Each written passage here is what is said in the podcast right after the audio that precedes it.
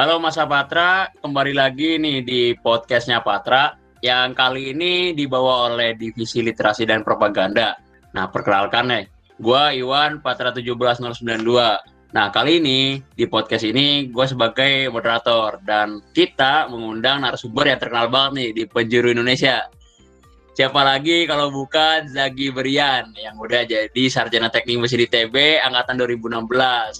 Nah, Zagi ini orang yang cukup terkenal dan merupakan founder nih dari SRI itu Society Society of Renewable Energy dari ITB dan sudah merambah ke beberapa universitas-universitas yang ada di Indonesia gitu. Kasarannya bukan cabang tapi ya kita otonom dari mahasiswa itu sendiri gitu kan.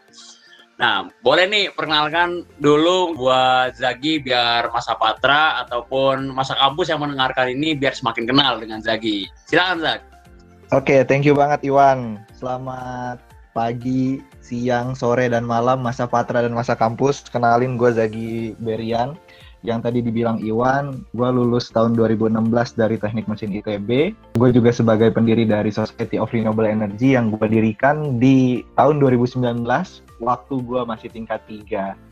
Sekarang untuk lebih tepatnya kita udah ada di puluhan kampus sampai podcast ini berjalan kita ada di 30 kampus. Kurang lebih seperti itu kali ya Wan perkenalannya. Waduh mantap nih. Oke dah. Lanjut kali ya bahasannya biar nggak terlalu lama. Jadi di podcast kali ini kita bakal nih ngebahas tentang energi baru dan terbarukan. Ini dan nanti. Sebenarnya kalau mengacu dengan peraturan pemerintah ya nomor 79 tahun 2014 kan energi baru itu kan energi dari sumber energi baru yang artinya dihasilkan oleh teknologi baru kan, misal nuklir, hidrogen, bed methane dan lainnya gitu kan. Kalau energi terbarukan kan itu energi yang berasal dari sumber energi terbarukan, yang artinya dihasilkan dari sumber daya energi yang berkelanjutan jika dikelola dengan baik, kayak panas bumi, angin, dan matahari, bioenergi dan yang lainnya gitu kan. Nah, dulu tuh pernah dari Pak Atra nih eskalasi masalah energi baru dan terbarukan. Beberapa alasannya perlu shifting ke EBT itu karena energi fosil tuh sekarang yang sekarang mendominasi ya merupakan sumber energi yang depletable gitu kan. Dan laju kasarnya laju pembentukannya itu lebih lambat daripada laju kita ngambilnya atau laju ekstraksi gitu kan. Selain itu, energi fosil juga kan ada kontribusi besar gitu terhadap adanya emisi gas rumah kaca yang menyebabkan perubahan iklim atau climate change. Nah, untuk masalah pemanfaatannya nih, kira-kira udah sejauh mana sih Zak yang Zagi tahu dari sisi industri maupun sisi pemerintah gitu kan? Dari waktu-waktu yang sebelumnya sampai ke hari ini, kira-kira sudah sejauh mana gitu pemanfaatan dari energi baru dan terbarukan ini? Boleh dijawab Zak? Oke siap. Jadi gini, kalau misalkan kita bicara tentang pemanfaatan itu sendiri, gitu kan, kalau di global itu udah hampir dua lebih terawatt gitu kan untuk pemanfaatan energi terbarukan itu sendiri untuk di Indonesia itu masih 10,9 persennya dari 23 persen target uh, bauran energi nasional gitu kan. Nah, bicara target 23 persen tadi gitu, dengan posisi kita saat ini, kita butuh empat kali kerja yang lebih besar gitu, sekitar 9 sampai 10 ribu megawatt untuk mengejar target di 2025 tadi kalau misalkan kita lihat dari tahun ke tahun, dari 2015 sampai 2020 itu sendiri, kita udah cukup naik secara signifikan gitu kan. Dari 2015 5%, sekarang 2020 itu 10,9% gitu. Tetapi signifikan yang kita lihat di sini bukan signifikan yang sangat tinggi gitu kan. Ini sebagai pemantik aja buat kalian ini sedikit apa ya kita bermain satire kali ya untuk Indonesia. Nah, jadi kalau misalkan kita mau mengejar 23 persen, itu perlu banget perlakuan yang lebih besar dari kita semua gitu kan. Ini kita harus ada yang namanya pergerakan secara nasional gitu kan yang kita ikuti uh, dengan pergerakan global itu sendiri. Kalau misalkan kita bicara pergerakan global, di mana di global itu sudah diberlakukan yang namanya climate action gitu kan. Ada Paris Agreement dan lain-lain sebagainya gitu. Pertanyaannya gitu kan, apakah kita menggunakan energi terbarukan itu in terms of fosil energi itu bakal habis tidak gitu. Itu bukan narasi yang tepat. Narasi yang tepat adalah kita menggunakan energi terbarukan dalam rangka kita melawan perubahan isu secara global gitu. Di mana kita ingin maintaining our global temperature gitu kan. Itu di 1,5 derajat celcius gitu kan. Nggak nggak ingin kita mencapai 2 derajat celcius. One of the solution kita harus menggunakan energi terbarukan. Kurang lebih seperti itu, Wan. Oke, cukup menjawab ya. Kalau secara singkatnya kan emang global udah cukup berkembang banyak meskipun dari Indonesia untuk mencapai target dari RUEN atau rencana umum energi nasional gitu kan ya cukup jauh gitu ketertinggalan dari kita meskipun di beberapa waktu ke belakang ini cukup banyak perkembangannya dan meskipun pemanfaatannya sekitar 10 sampai belasan persen gitu dari target 23 persen bauran energi primer ya. Nah, untuk mencapai ini kan tadi Zagi bilang perlu pergerakan secara nasional gitu kan dan kita uh, ada concern juga masalah si climate change ini gitu kan. Terus lanjut nih, ini jadi topik yang menarik kalau misalnya kita bahas ke selanjutnya emang apa sih gitu kan. Nah, kalau yang Zagi tahu nih, kalau dari sekarang hingga masa depan tuh tren pemanfaatannya seperti apa sih? Apakah dari negara-negara ini udah mulai concern ke sana apakah Indonesia itu udah cukup tertinggal atau emang dunia luar tuh emang udah shifting ke EBT semua gitu kan meskipun yang kita tahu bahwa infrastruktur-infrastruktur yang kita lihat sehari-hari gitu ya untuk masalah energi fosil itu cukup banyak dan cukup masif gitu untuk si uh, infrastruktur dari energi fosil. Nah, kira-kira ada kemungkinan nggak sih kalau misalnya itu change to uh, infrastruktur EBT gitu ya, entah ke SPBU ntar diganti semua kah atau semua pembangkit listrik atau pembangkit energi fosil itu diganti semua dengan energi baru terbarukan kah? Nah, kira-kira trennya seperti apa sih, Zak? Kalau dari sekarang hingga minimal ya 10 atau 20 tahun ke depan lah gitu kan, dari nasional maupun dari global. Boleh dijawab mungkin, Zak? Oke, jadi gini, kalau misalkan kita lihat secara global gitu kan, dan tadi uh, Iwan sempat nanya apakah Indonesia tertinggal atau enggak, tentu gitu kan, Indonesia itu tertinggal sebenarnya. Kita kalau misalkan lihat di global itu kita ingin zero emission di tahun 2050 atau di tahun 2060. Itu adalah salah satu bentuk tanggung jawab kita terhadap perjanjian Paris gitu kan. Nah, dari dunia global itu atau di, di global itu sendiri pemanfaatannya udah cukup uh, besar gitu kan di China, apa namanya di Denmark, di apa namanya di US itu sendiri gitu kan. Nah, sekarang kalau misalkan kita lihat di Indonesia, di Indonesia masih masih terlalu lambat gitu kan karena kita bicara tentang trilema energi kalau di Indonesia gitu kan. Kita masih butuh affordable energy dibandingkan clean energy itself. Kenapa kok kayak gitu gitu kan? Jadi di kita bicara trilema energi, pemerintah tuh kan harus paham bagaimana caranya kita apa namanya menggunakan energi itu sendiri. Jadi kalau misalkan kita lihat kita menggunakan energi terbarukan misalkan di Indonesia, tapi harganya masih mahal gitu. Apakah benar itu yang dibutuhkan gitu kan? Nah, tentu pemerintah masih memilih yang affordable juga gitu kan, which is fosil energi.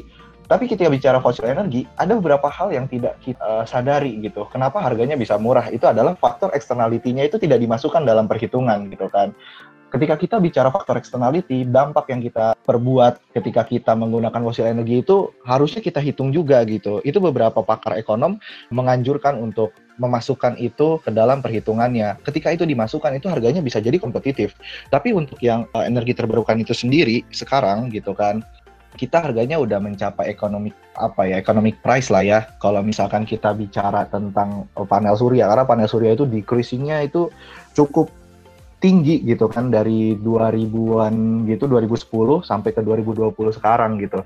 Nah, kalau misalkan kita bicara tentang kondisi saat ini di mana pemanfaatan teknologi itu udah cukup sophisticated gitu, dunia itu sekarang menggunakan yang namanya smart grid gitu kan. Mereka bisa atur gitu demand dari tiap-tiap warganya secara apa ya pakai teknologi gitu kan. Mereka udah menggunakan smart grid itu. Tapi di Indonesia itu kan masih konvensional masih pakai dispatchable yang yang diatur oleh manusia gitu. Di mana kalau misalkan ada energi terbarukan yang masuk jadi kita nggak bisa secara fleksibel untuk mengatur demand itu kepada apa namanya masing-masing pembangkit gitu kan. Nah ketika di dunia itu udah menggunakan smart grid gitu pemanfaatan gridnya sudah modern, energi terbarukan yang masuk itu ya bisa langsung di apa namanya diatur oleh mereka gitu kan. Tapi kalau di Indonesia sekarang kita pakai contoh yang panel surya. Panel surya itu adanya di siang hari. Ketika panel surya semakin banyak digunakan di uh, apa namanya di jaringan kita gitu kan. Berarti beban yang di apa dihasilkan itu sangat besar di siang hari. Nah, itu kita jadi masalah juga sebenarnya. Kita sebut masalah itu sebagai dark curve gitu kan. Kayak kurvanya seperti bebek gitu kan. Yang itu nanti bakal mengganggu stabilitas dari grid itu sendiri. Itu kenapa dampaknya? Karena kita masih belum menggunakan grid yang apa yang udah modern gitu kan. Nah, ke depannya itu semua dari pemain infrastruktur gitu, mereka akan mengganti gridnya menjadi smart grid gitu. Karena dengan smart grid kita bisa jual energi ke tetangga kita gitu. Dan harganya energi itu berbeda-beda tiap 15 menit. Jadi ketika kalian menentukan uh, penggunaan energi kalian 15 menit itu akan berdampak kepada pembayaran tagihan kalian di satu bulan berikutnya gitu kan. Nah ini sangat menarik karena itu bisa mengatur behavior dari masyarakat atau penggunanya sehingga mereka bisa memilih jam berapa kita harus menggunakan energi gitu kan itu bisa uh, apa namanya bisa memunculkan perilaku seperti itu gitu kan tapi kalau di Indonesia masih belum itu masih cukup panjang tetapi untuk apa namanya salah satu satu-satunya utility yang ada di Indonesia yang menjual listrik gitu kan itu sedang membangun infrastruktur yang tadi smart grid gitu. Jadi kita bisa lihat ke depannya nanti renewable energy itu akan uh, masuk ke market lebih besar daripada yang sekarang gitu. Karena kita juga masih punya target untuk mengejar uh, tadi bauran energi nasional yang kita bicarakan sebelumnya. Gituan. Oke, ini cukup menjawab ya tadi pertanyaannya. Kalau misalnya emang tren global maupun tren Indonesia juga sedang mengejar target ke sana gitu kan. Selain komitmen kita dari masalah Paris Agreement juga dan beberapa konsiderasi yang lainnya gitu. Kalau misalnya pengembangan ataupun infrastruktur grid yang ada di Indonesia ini ya belum sampai ke ranah yang disamakan dengan ranah global gitu kan. Dibuktikan tadi kalau misalnya penyebaran dari grid listrik itu Pak uh, itu kan ya cukup tantangannya kayak misalnya dark curve gitu kan. Ya di mana ada baseload dan sebabkan kita masih keterbatasan lah, masih terbatas bagaimana kita bisa memilih dari sumber daya energi mana gitu kan untuk di jangka waktu tertentu gitu kan. Karena beberapa dari sumber daya energi terbarukan kan itu ini ya cukup intermittent ya. Jadi ada di kala waktu tertentu gitu. Tidak semuanya ada gitu kan. Nah, mungkin tadi yang Zaki bilang masalah smart grid itu cukup jadi solusi ya untuk pengembangan EBT di masa mendatang gitu. Lanjut nih Zak, untuk pertanyaan selanjutnya itu ini masalah kelebihan dan kekurangan itu ketika ada pemanfaatan EBT gitu dibandingkan sumber energi yang terbarukan. Nah, kira-kira apa sih Zak kalau misalnya kita bandingkan nih EBT sama energi yang tak terbarukan? Atau yang terbarukan ini misal kita sebut aja misal fosil kah atau energi bahkan energi baru ya ketika itu misal kita sebut nuklir kah atau dibandingkan dengan coal methane lah. Nah, kira-kira apa sih yang menyebabkan EBT ini oke okay gitu dan apa sih yang menyebabkan EBT ini kayaknya nggak cocok gitu? Kira-kira apa sih kelebihan dan kekurangan dari si EBT ini? Nah, jadi gini, jadi gini sekarang, kalau misalkan kita bicara EBT, itu fosil energi masih bisa masuk ke EBT. Karena dia masuk ke kategori energi baru. Kalau misalkan teknologinya yang kita gunakan dalam pemanfaatan fosil energi itu adalah suatu teknologi yang baru. Kalau merujuk tadi undang-undang yang Iwan pernah uh, sampaikan di awal gitu kan. Jadi kita lebih senangnya menggunakan bahasa energi terbarukan gitu kan. Jadi kalau misalkan kita energi terbarukan jelas fosil energi itu tidak masuk ke uh, energi terbarukan tadi. Nah, bicara energi terbarukan keunggulannya itu seperti apa, tentu dalam segi apa namanya segi emisi karbonnya itu jauh lebih rendah daripada fosil energi. Sekarang ada yang bilang kan energi terbarukan juga menggunakan apa namanya penggunaan karbon dalam life cycle-nya. Iya memang tentu gitu. Kalau misalkan kita lihat dari life cycle assessment-nya itu juga masih jauh perbandingan antara fosil energi dan juga energi terbarukan gitu kan di situ. Jadi kalau misalkan ntar kalian bisa bilang geothermal juga kan penghasil karbon dioksida dan lain sebagainya gitu kan, iya memang gitu.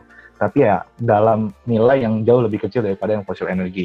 Nah selain itu, sekarang kita bicara kalau misalkan kita lihat ada beberapa daerah yang belum dapat akses jaringan listrik itu sendiri. Apakah bisa kita menggunakan fosil energi? bisa sebenarnya tapi itu cukup besar effortnya dan lain-lain sebagainya itu tidak direkomendasikan kan tapi kita bisa menggunakan energi terbarukan untuk memberikan akses electricity di tempat tersebut salah satunya kita bisa menggunakan panel surya kita bisa menggunakan wind energy bisa menggunakan biomass atau air itu sendiri gitu kan nah kalau misalkan apa namanya akses electricity di sana itu tidak ada gitu kan. Sekarang kan kita ngomongin Indonesia berarti kan jaringan yang punya itu adalah jaringan PLN gitu. Nah, itu secara off grid atau di luar jaringan PLN energi terbarukan itu bisa digunakan. untuk uh, memberikan electricity di daerah tersebut gitu. Nah, terus selain itu juga energi terbarukan itu bisa langsung dimanfaatkan dari sisi panasnya gitu kan atau misalkan dari sisi menjadi energi listriknya gitu kan. Nah, itu sebuah kelebihan-kelebihan yang orang-orang tuh harus tahu gitu. Misal oke okay, ada ada air gitu kan. Air kan bisa dijadikan sebagai penggerak gitu kan. Penggerak untuk uh, pengairan yang ada di sawah dan lain sebagainya. Terus kalau misalkan kita bicara dari um, geothermal itu sendiri panasnya itu bisa langsung kita manfaatkan. Bisa pakai budidaya jamur bisa pakai bisa agriculture gitu kan. Dan itu adalah hal-hal yang um, apa namanya bisa langsung dimanfaatkan gitu dari energi terbarukan nah uh, selain itu juga energi terbarukan itu kita mendapatkannya secara gratis dari alam fuelnya gitu kan gratis jadi uh, itu beberapa kelebihan yang harus kita ketahui tentang uh, energi terbarukan itu sendiri Wan. Oh baik nih Zak, uh, cukup menjawab ya. Kalau misalnya tadi EBT itu bisa nih dimanfaatkan baik itu secara langsung ya atau dari gears ataupun nggak langsung. Kalau misalnya tadi kan langsung itu bisa dimanfaatkan secara uh, langsung ya uh, dari energi primernya gitu kan. Misal uh, digunakan untuk budidaya pertanian gitu kan. Kalau misalnya daerah desa ya bisa digunakan untuk pembangkitan energi listrik gitu kan.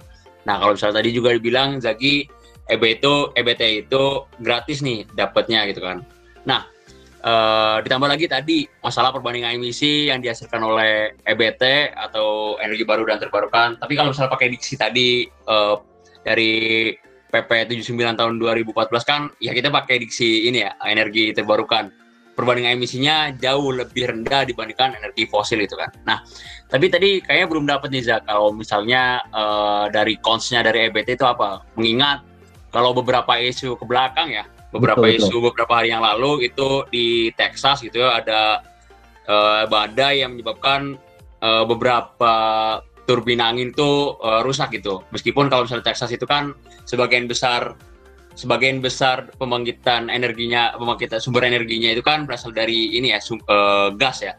Tapi kan hmm. beberapa juga belasan persen itu dihasilkan oleh uh, eh, EBT-nya berupa ya dari pembangkit listrik tenaga bayu atau dari uh, turbin angin dari mereka gitu. Dan ketika ada badai itu rusak gitu. Nah, mungkin ya. bisa dijelasin Zak uh, lebih jauh ya, konsep dari EBT itu apa gitu. Tadi cuma ya. beberapa contoh gitu. Hmm. Jadi kekurangannya itu ya, sorry. Tadi yang kekurangannya tadi hmm, ketika kita menggunakan teknologi itu kan, gitu kan, yang tadi dicontohkan Iwan memang itu uh, sebuah apa ya, sebuah bencana gitu. Ketika kita mendesain sesuatu, seharusnya kan kita bisa tahu kan lokasi tersebut itu seperti apa gitu kan. Tapi ada suatu hal yang uh, apa ya kayak luput dari kesalahan saat mendesain itu sendiri yaitu ketika ada badai ketika ada itu gitu kan.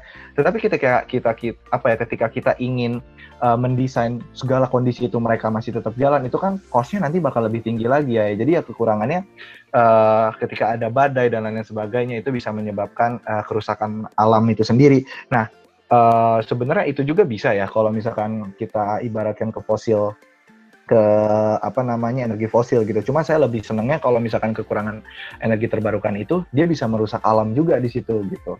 Misal tadi turbin angin, turbin angin itu noise-nya cukup besar, itu bisa mengganggu kehidupan yang ada di sekitarnya gitu kan. Makanya turbin angin itu diletakkan di daerah-daerah yang jauh dari pemukiman gitu. Terus yang kedua, kita ingin membangun PLTA, membangun dam, itu kita bisa jadi merusak alam karena apa? Kita menebang berbagai macam uh, flow apa ya? Um, tadi hutan-hutan gitu kan yang yang contoh ada di Indonesia gitu. Kadang hutan-hutan itu tuh dilindungi gitu. Nah, uh, kalau misalkan yang sekarang itu gitu kan, ketika hutannya memang dilindungi, itu pembangunannya harus diganti. Jangan jangan ada di hutan-hutan yang dilindungi. Nah, terus juga kalau misalkan mereka ingin membangun, mereka juga diwajibkan untuk merelokasi flora dan fauna yang ada di situ gitu kan. Nah terus selain itu, uh, kalau misalkan kita bisa melihat nih ya, energi terbarukan itu ada blade gitu di turbin angin atau di turbin air, itu kan bisa merusak eh, hewan-hewan uh, yang lagi melintas di situ gitu kan. Nah itu kekurangannya juga sih yang uh, apa yang harus kita ketahui Wan. Oh. Oke nih. cukup menjawab ya apa yang dikatakan oleh Zagi tadi kalau misalnya kekurangannya itu ya bisa merusak alam gitu kan noise cukup besar terus juga mengubah bentang alam gitu kan dan mengganggu uh, kehidupan baik itu flora maupun fauna yang ada di sekitar uh, tempat dari si energi terbarukan itu ada gitu kan. Nah mungkin lanjut nih ke bahasan selanjutnya. Kalau tadi kan dijelaskan juga nih masalah kelebihan dan kekurangannya. Nah kira-kira untuk di Indonesia nih, kan kita punya target nih seperti tadi yang udah dikatakan Zagi. Uh, kira-kira apa sih Zak tantangan dan uh, peluang gitu dari pengembangan EBT dari skala nasional maupun global itu apa aja gitu? Uh, kira-kira misal dari tantangannya investasi uh, dari EBT ini cukup besar gitu kan atau harga listriknya itu cukup mahal gitu kayak ataupun misal uh, masih adanya dominasi dari energi fosil kah atau apa gitu. Kira-kira apa aja sih Zak? Kira-kira tantangan dan peluangnya itu apa aja gitu dari si okay. EBT ini? Kita bicara tantangan gini ya. Kalau misalkan kita dari skopnya yang global tadi gitu kan, uh, negara-negara yang sudah menggunakan energi terbarukan lebih besar daripada uh, energi fosil itu sendiri gitu. Tantangan mereka yang sekarang itu kalau misalkan bicara yang dulu berarti kan mereka harus shifting gitu kan uh, to renewables sendiri gitu. Nah, terus kalau misalkan tantangannya yang sekarang ketika mereka udah shifting juga, jadi bicaranya setelah energi terbarukan ini banyak gitu kan, bagaimana caranya mereka menambah efisiensinya itu lagi gitu kan di sisi penggunaan energi yang dilakukan oleh negara itu gitu. Nah, tapi kalau misalkan kita bicara uh, tantangan yang ada di Indonesia gitu sebagai negara yang sedang menuju transisi energi, Pertama, kita harus tahu ketika kita menggunakan energi terbarukan, harganya itu masih uh, belum terjangkau gitu kan ya untuk beberapa resource. Nah, ketika kita ingin menggunakan harga yang terjangkau gitu kan, di Indonesia sendiri kan terbentur gitu. Ada yang namanya peraturan uh, eh, TKDN dan lain-lain sebagainya. Harga dari luar negeri itu kadang import lebih murah gitu. Tapi di satu sisi kita terbentur masalah TKDN tadi gitu. TKDN-nya harus berapa persen gitu kan. Sehingga uh, yang impor tadi nggak bisa masuk nggak bisa digunakan di hal itu gitu kan. Terus kalau misalkan kita lihat lagi ada beberapa peraturan yang masih uh, belum bisa mengakselerasi penggunaan energi terbarukan itu sendiri gitu. Ada beberapa peraturan yang uh, payung hukumnya itu lagi dibuat gitu kan di Indonesia. Nah, setelah itu kita juga tahu gitu kalau misalkan ada beberapa energi yang harus memilih apakah penggunaan uh, sumber daya alam ini untuk energi atau untuk pangan gitu kan di apa namanya di sawit gitu kan itu sebagai salah satu tantangan juga gimana caranya nanti kita melihat uh, titik temu gitu di antara sektor pangan dan juga sektor energi terus uh, tantangan yang lainnya juga karena Indonesia itu archipelago gitu kan akses electricity-nya itu uh, masih um, masih belum baik di beberapa daerah gitu kan karena faktor uh, geografisnya juga. Jadi gimana caranya kita bisa membangun energi di sana dengan uh, kondisi geografis yang sulit gitu di situ. Nah, tantangan-tantangan itu yang uh, menjadi barrier sebagai uh, apa ya namanya anak bangsa gitu kan gimana caranya kita bisa nge-solve masalah itu. Terus peluangnya apa gitu kan? Peluang pengembangan EBT atau energi terbarukan itu sendiri di Indonesia itu sangat uh, besar gitu kan. Kita punya potensi 412 gigawatt. Gitu. 412 gigawatt itu huge number. Tapi yang baru diutilize itu masih di angka 10,4 gigawatt. Sangat uh, apa ya ironi gitu kan di situ. Nah, ini menjadi tantangan anak-anak zaman sekarang, di mana kita beberapa puluh tahun ke depan itu bisa menjadi decision maker, bisa menjadi uh, leader di negara kita gitu kan. Gimana caranya kita bisa utilize uh, potensi yang kita punya gitu di situ. Nah, sekarang kita juga bisa lihat bahwa penggunaan teknologi itu bisa mempercepat uh, akselerasi dari sektor energi itu sendiri gitu.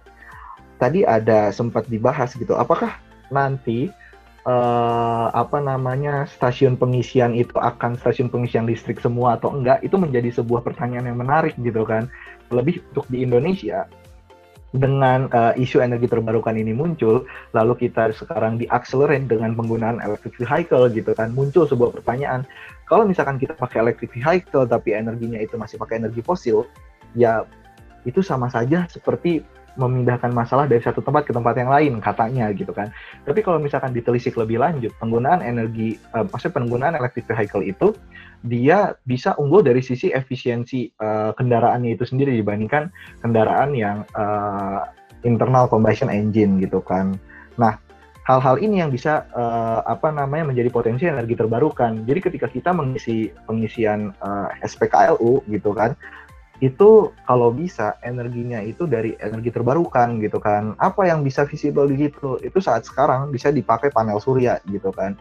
Tapi kalau misalkan di satu daerah potensi energi terbarukannya itu bisa ada geothermal, air dan lain sebagainya itu bisa 100 uh, eh, renewable gitu untuk mengisi itu gitu kan. Nah, itu kan tantangan-tantangan yang tercipta gitu uh, yang bisa kita uh, capture yang ada di Indonesia.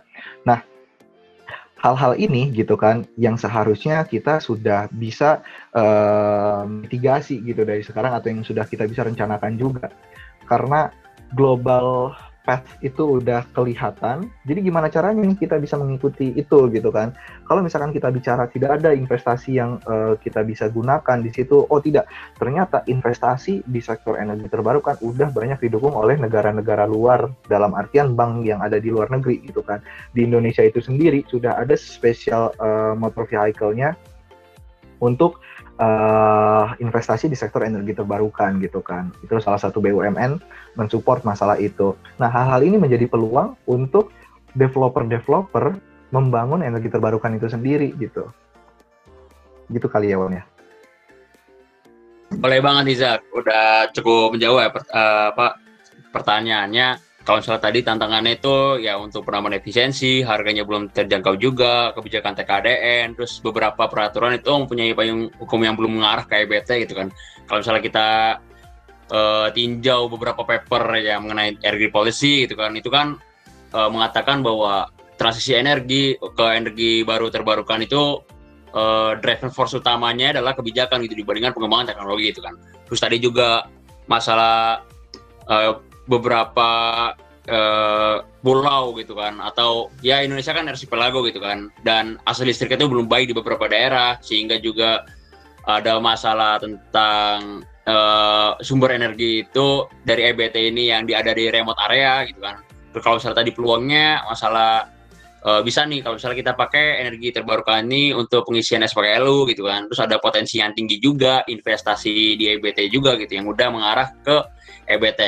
Mungkin ini pertanyaan terakhir ya Zak, kalau misalnya ada nggak sih Zak eh, beberapa solusi yang terpikirkan dalam jangka waktu terdekat ataupun dalam jangka waktu panjang gitu? Kira-kira solusi apa sih yang uh, bisa nih kita kejar nih target-target yang ada di Ruen ataupun ketika kita mengikuti tren global yang udah mengarah ke zero emission, nah kira-kira apa sih Zak kalau misalnya solusi-solusinya gitu yang ya mungkin kalau misalnya kita bisa dikontekstualisasikan ke mahasiswa sekarang ya kira-kira apa sih solusi hmm. yang terdekat yang bisa kita lakukan itu ataupun ketika jadi uh, beberapa tahun mendatang kita jadi decision maker gitu. Nah, apa sih ya. kira-kira solusi yang udah terpikirkan itu? Mungkin itu ya. pertanyaan terakhir. Jadi untuk pertanyaan tersebut gitu kan, ketika kita bicara 23% itu bisa kita uh, kejar gitu menggunakan resource apa gitu tentu yang bisa menjawab itu adalah panel surya gitu karena panel surya itu dari sisi pemasangan uh, dari sisi uncertainty gitu kan. Uncertainty-nya tidak terlalu tinggi jadi begitu kita pasang panel surya itu udah pasti dapat energi listrik gitu kan. Tapi kalau misalkan kita pakai energi yang lain energi terbarukan yang lain itu kan ada beberapa faktor yang uh, harus diperhitungkan gitu kan. Nah sekarang pemerintah sendiri itu uh, sedang berusaha untuk mengejar baurannya menggunakan energi uh, matahari gitu panel surya. Dan juga sekarang kita udah yang namanya co-firing gitu kan. Co-firing ini apa PLTU yang sekarang ada di Indonesia itu diganti batu baranya pakai pellet gitu atau wood chip. Sensitivity-nya itu 1 sampai 5% yang ada uh, yang sekarang lagi dikaji gitu kan. Nah, itu salah satu uh, apa namanya rencana pemerintah untuk mengejar target 23% itu sendiri gitu. Nah, tapi kalau misalkan energi-energi yang lain bisa nggak? Bisa dong tentu gitu kan. Tapi ya memang uh, ada beberapa constraint dari segi waktu gitu. Dari segi waktunya apakah bisa diutilisasi dari 2000 di 2025 atau enggak gitu. Nah, untuk uh, mahasiswa yang sekarang gitu kan, kita bicara yang namanya pengabdian masyarakat yang ada di kampus uh, gue sendiri sih terpikir ya, bagaimana pengabdian masyarakat itu diarahkan untuk membangun desa-desa yang belum dapat akses electricity atau bahkan akses uh, uh, electricity-nya itu belum terlalu bagus gitu kan. Nah itu bisa menggunakan energi-energi uh, yang ada di mahasiswa itu sendiri gitu. Jadi mahasiswa bagaimana diarahkan untuk membangun desa tadi, mengutilize energi terbarukan yang ada di daerah tersebut.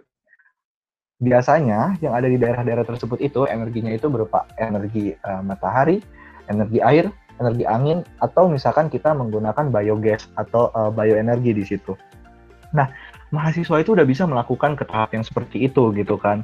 Di organisasi SRA itu sendiri, kita mendorong anak-anaknya terus berkontribusi untuk masyarakat di daerah tersebut gitu.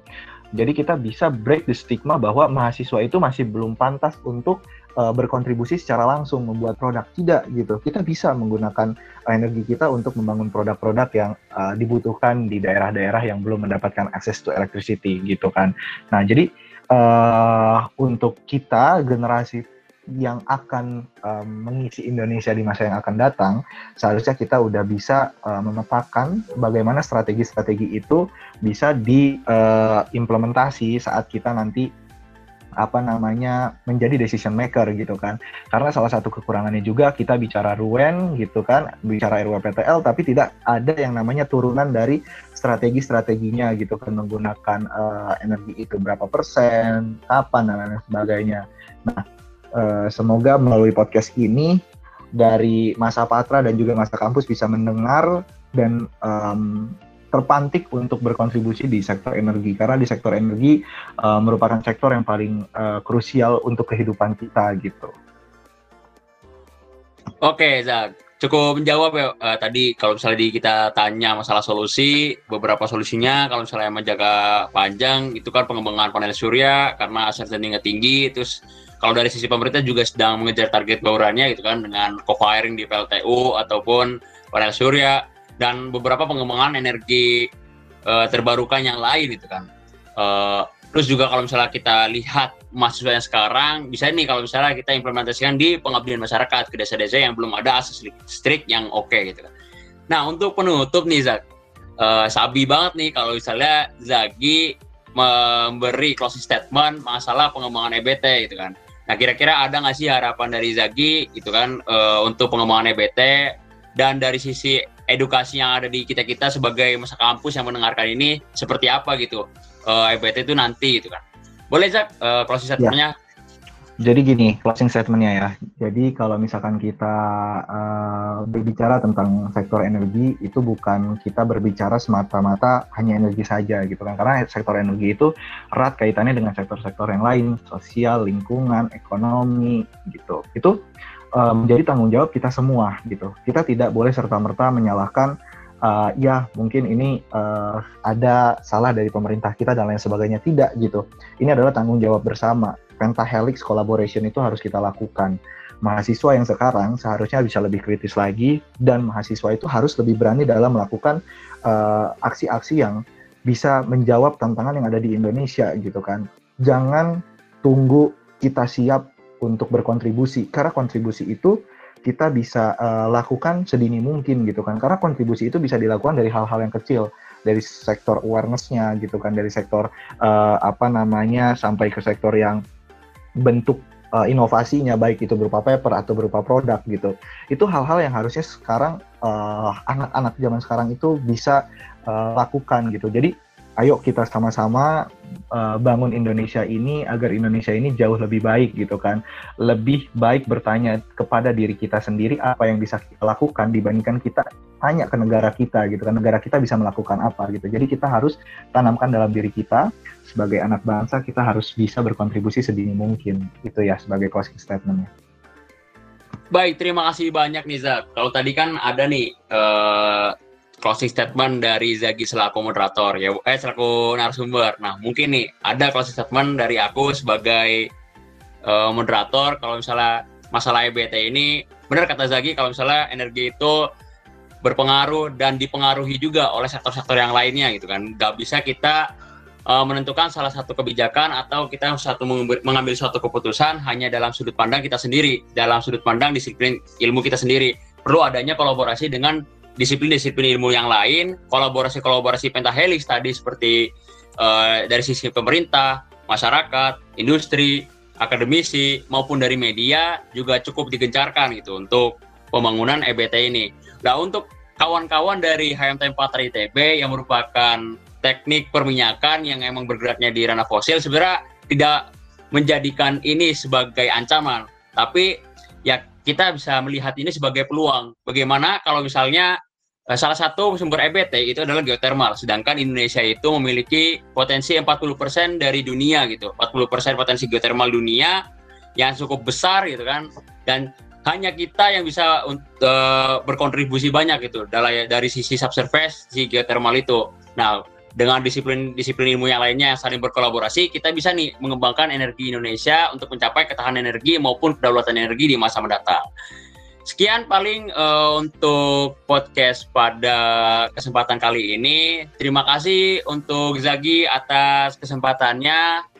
Nantikan kalau misalnya ada edisi-edisi podcast yang lainnya, Sabi didengarin Masa Patra atau Masa Kampus yang sedang menantikan dan pesan nih untuk keputusan selanjutnya barangkali bisa juga nih eh, kolaborasi kerjasama dengan SRI ITB gitu kan. Boleh boleh itu harusnya kita lakukan ya. Oke mantap sekali. Oke sekian mungkin podcast kali ini. Mohon maaf bila aku sebagai moderator salah dalam pengucapan kata ataupun dari narasumber juga ataupun ya dari segi kontennya juga kami jujur uh, dari dalam hati sangat mohon maaf uh, karena manusia tidak luput dari kesalahan ya Zak ya. Siap, okay. siap, siap, siap. Oke dah. Oke, sampai jumpa di podcast selanjutnya di podcast Patra. Tetap nantikan podcast-podcast seru yang lainnya. Oke, terima kasih kawan-kawan.